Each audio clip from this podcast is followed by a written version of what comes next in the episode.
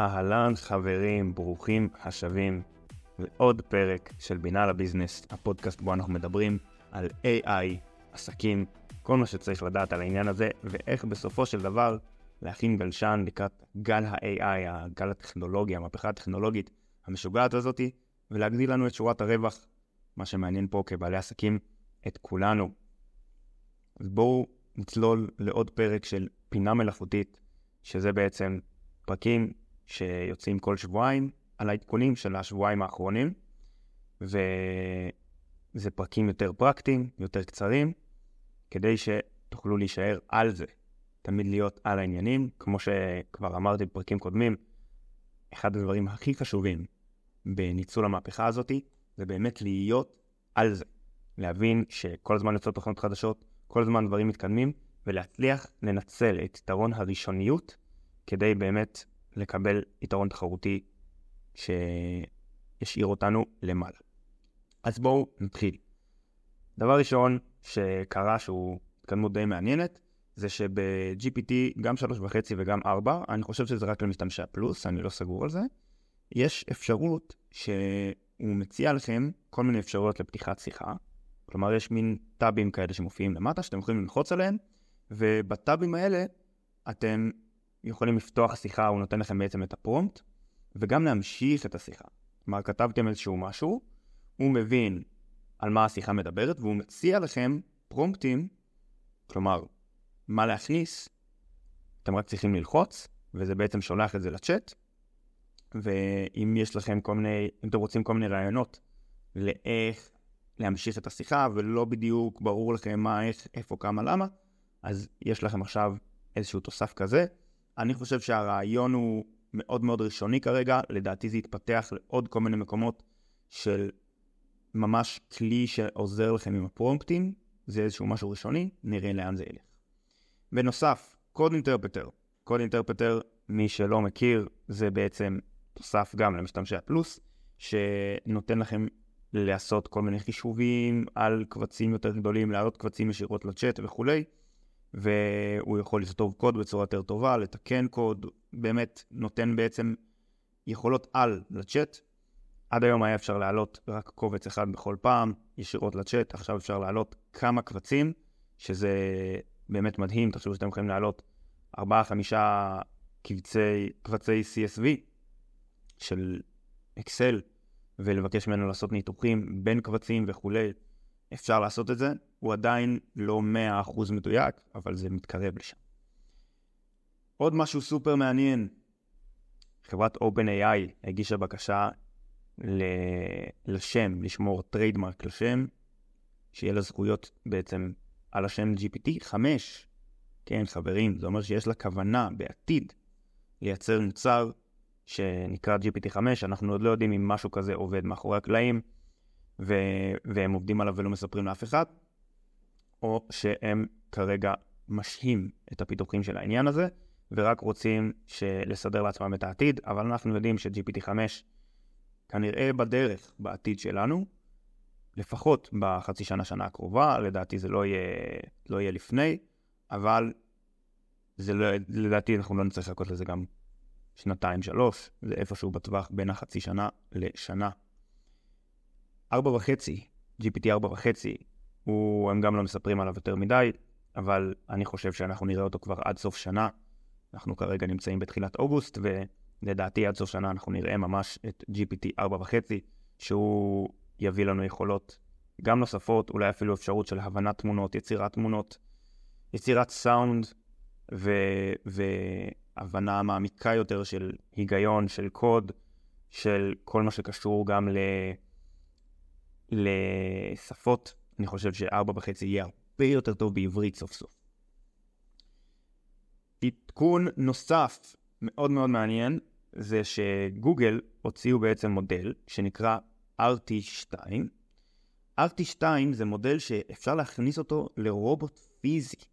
כן, כן, חברים, רובוט פיזי. אתם מבינים את ההשלכות של זה? אני אספר לכם את ההשלכות של זה. הן מטורפות. רובוט פיזי זה אומר ש...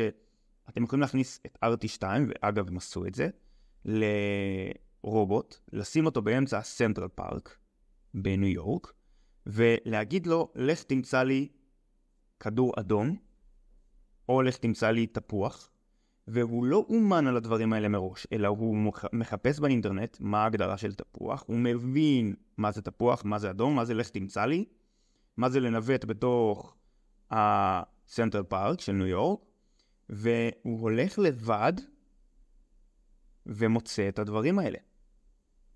כלומר, לא צריך לאמן אותו מראש על איזושהי פיסת מידע, אלא הוא הולך לבד, מבין מה ההוראות, בלי שימנו אותו לפני, כי המודל הזה יודע להבין, בגלל שהוא מודל שפה, הוא יודע להבין מה זה אומר לבצע את הפעולות, לתרגם אותם לפעולות פיזיות, והרובוט הזה כרגע יודע באמת להבחין בין כדור אדום לתפוח, להביא את ה... להרים חפץ כזה או אחר. זה סופר מהפכני. למה? כי זה מעבר מ... זה נמצא אך ורק באינטרנט ויכול לעשות פעולות באינטרנט, ל... זה ממש נמצא כבר בעולם הפיזי. ואם היום יש לנו כבר מכונות שיודעות לעשות קטיף תפוחים וקטיף דובדבנים, ולהבדיל בין דובדבן טוב לדובדבן לא טוב ש... שלא צריך לקטוף, ודובדבן חולה ורמת הסוכר, ו... ולעשות את כל זה אוטומטית, ולקטוף ולשים בעגלה, ואתה פשוט משחרר את הרובוט הזה, זה... אני ראיתי הדגמה של זה, זה בעצם רחפנים כאלה, ש... שהם מחוברים לא... לאיזה עגלה, הם מנתחים איזה פרי כדאי לקטוף, קוטפים אותו, שמים אותו בעגלה, ופשוט אתם משחררים דבר כזה בתוך מטע של עצים. זה יום עבודה, זה כותב לכם את הכל, זה עובד גם בלילה, זה עובד גם ביום, זה לא צריך הפסקות, וזה לחלוטין, גם עולם החקלאות הולך לשם. אז שתבינו שיש כבר כל מיני מודלים שלא צריך בהכרח לתכנת אותם מראש לעשות כל מיני משימות, אלא יהיה לכם בסופו של דבר עוזר אישי בבית, שתוכלו לבקש ממנו לעשות משימות דינמיות, והוא ידע לסדר לכם את הכלים במדיאק, להרדים את הילד, ולעזור שיעור, בשיעורי הבית לילדה, ולעזור לכם לארוז לטיול לחו"ל, למרות שהוא לא אומן על הדברים האלה בהכרח מראש. זה הכיוון שאליו אנחנו הולכים במהירות מדהימה. זה RT2 של גוגל, הם כרגע פורצי הדרך בתחום. אני רוצה לדבר קצת על קלוד 2, שבאמת בחודשיים האחרונים נותן תוצאות מדהימות בעברית. מדהימות, מדהימות, מדהימות. מי שלא ניסה עדיין את קלוד 2, אז רוצו לנסות את קלוד 2. צריך לעשות הרשמה דרך VPN. מה זה אומר VPN? זה אומר שאתם צריכים לדמות שאתם נמצאים או בארצות הברית או ב-UK, שזה בריטניה. אז בשביל לעשות את זה אתם צריכים להוריד איזשהו משהו לכרום שלכם, לדפדפן שלכם, שמדמה לרגע שאתם מתחברים ממקום אחר. זה לא מסובך, יש לזה הרבה הדרכות ביוטיוב. אחרי שעשיתם את זה, רק ההרשמה הראשונית לקלוד 2 צריכה להיות דרך זה, אחר כך אפשר להתחבר מהמשתמש שפתחתם באמת מכל מקום, זה כבר לא נצריך VPN יותר.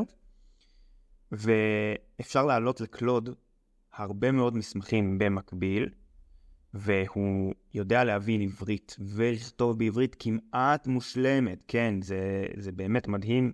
הוא עושה את זה אפילו יותר טוב מברד שדיברנו עליו כבר. והיתרון הנוסף שלו על פני GPT זה ש-GPT בטקסטים מאוד ארוכים מאבד את זה. קלוד אפשר להכניס לו טקסטים מאוד ארוכים, לדעתי עד 20 אלף טוקנים, אם אני לא טועה, והוא לא מאבד את זה. הוא נשאר על זה והוא ידע לעשות את הניתוחים ואת ההצלבות שאנחנו רוצים וצריכים. הוא כן פחות חכם מ-GPT-4, פחות חכם, אבל הוא עדיין עושה עבודה מצוינת. לא הייתי נותן לו דברים שקשורים למתמטיקה ולחישובים. מה הביאוס הגדול בקלוד 2? זה שה-API שלו, החיבור שלו מאחורי הקלעים. במידה והיה לנו אותו, היינו יכולים לקחת את היכולות של קלוד 2 ולשים אותם בתוך אפליקציה שאנחנו בונים, שעושה לנו, בונה לנו מאמרים כאלה ואחרים, ועונה לנו על שאלות מדויקות שאנחנו רוצים לדייק באיזשהו מודל ספציפי, ה-API הזה, החיבור הזה, מתעכב. וכרגע אין כל כך אור בקצה המנהרה, שלי אישית זה מאוד מבאס, כי יש לי כל כך הרבה רעיונות שאני רק מחכה שיהיה כלי שיעשה עבודה ממש טובה בעברית כמו קלוד, עם חיבור API, כרגע אין. יש אותו בגרסת בטא מאוד מאוד סגורה, רק לאנשים ספורים. יש חיבור אליו וגם החיבור, יש לו המון באגים. בקיצור, כרגע זה נראה שיהיה רק בחודש, חודשיים הקרובים, במקרה הטוב, חיבור API לקלוד.